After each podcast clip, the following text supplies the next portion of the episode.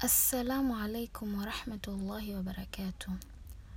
Online Qurani class inawaletea somo la umuhimu wa Qurani. Mtume wetu Muhammad sallallahu alaihi wa alihi wasallam anatuelezea umuhimu wa Qurani.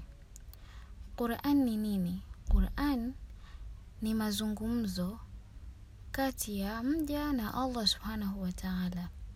Kwa vile ni mazungumzo kati ya mja na Allah subhanahu wa ta'ala, hivyo tujijengee sana mazoea ya kuisoma Qur'ani. Mtume wetu Muhammad sallallahu alaihi wa alihi wasallam anatuambia katika hadithi, mtu anayesoma Qur'ani moyo wake unakuwa na amani, unakuwa na nuru na unakuwa na kila aina usafi.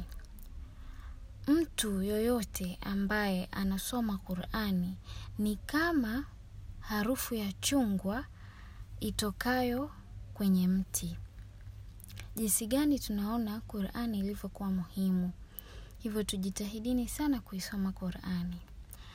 Na kundi la watu au familia wanaposoma Qur'ani huepusha majanga mengi ndani ya nyumba huleta malaika ndani ya nyumba, huleta amani ndani ya nyumba, huleta mambo mengine mazuri ndani ya nyumba, na amani kwa ujumla na upendo kwa ujumla.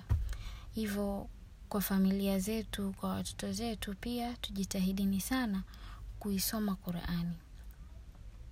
Mtume wetu Muhammad sallallahu alaihi wa alihi wasallam anatuambia kuwa mtu ambaye haijui kuisoma vizuri Qur'ani lakini akajitahidi akaisoma, Mwenyezi Mungu anamlipa mara mbili yake, yaani anapata thawabu mara mbili yake. Jinsi gani Qur'ani ilivyokuwa muhimu. Na pia hadithi inasema kuwa utakaposoma herufi moja tu unapata thawabu nyingi sana, unapata thawabu kumi. Sasa ukasoma hizo herufi tano au ukasoma hizo herufi zote za Qur'ani unapata thawabu ngapi? Tujitahidini sana katika kuisoma Qur'ani, kwani Qur'ani ndiyo kitabu chetu kinachotuongoza. Mtume wetu Muhammad sallallahu alaihi wasallam pia anatuelezea katika hadithi, anatuambia kuwa Mnafik anaposoma Qur'ani ni kama tende iliyokuwa na ladha ila haina harufu, na mnafik asiyesoma Qur'ani ni kama mboga mboga za majani zisizokuwa na ladha wala harufu.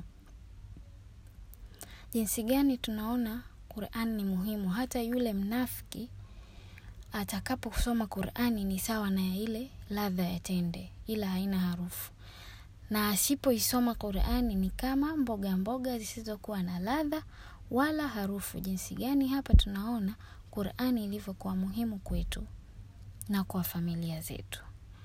Pia napenda kuongezea kuwa tujitahidini pindi tunapotoka majumbani mwetu, tunapoenda mashuleni, tunapoenda maofisini, tunapoenda popote pale, tujitahidi angalau tusome hata aya moja, kwani ni muhimu, itatusaidia, itatulinda popote pale tutakapoenda. Kwa kwa hayo tu, nashukuru kwa kunisikiliza.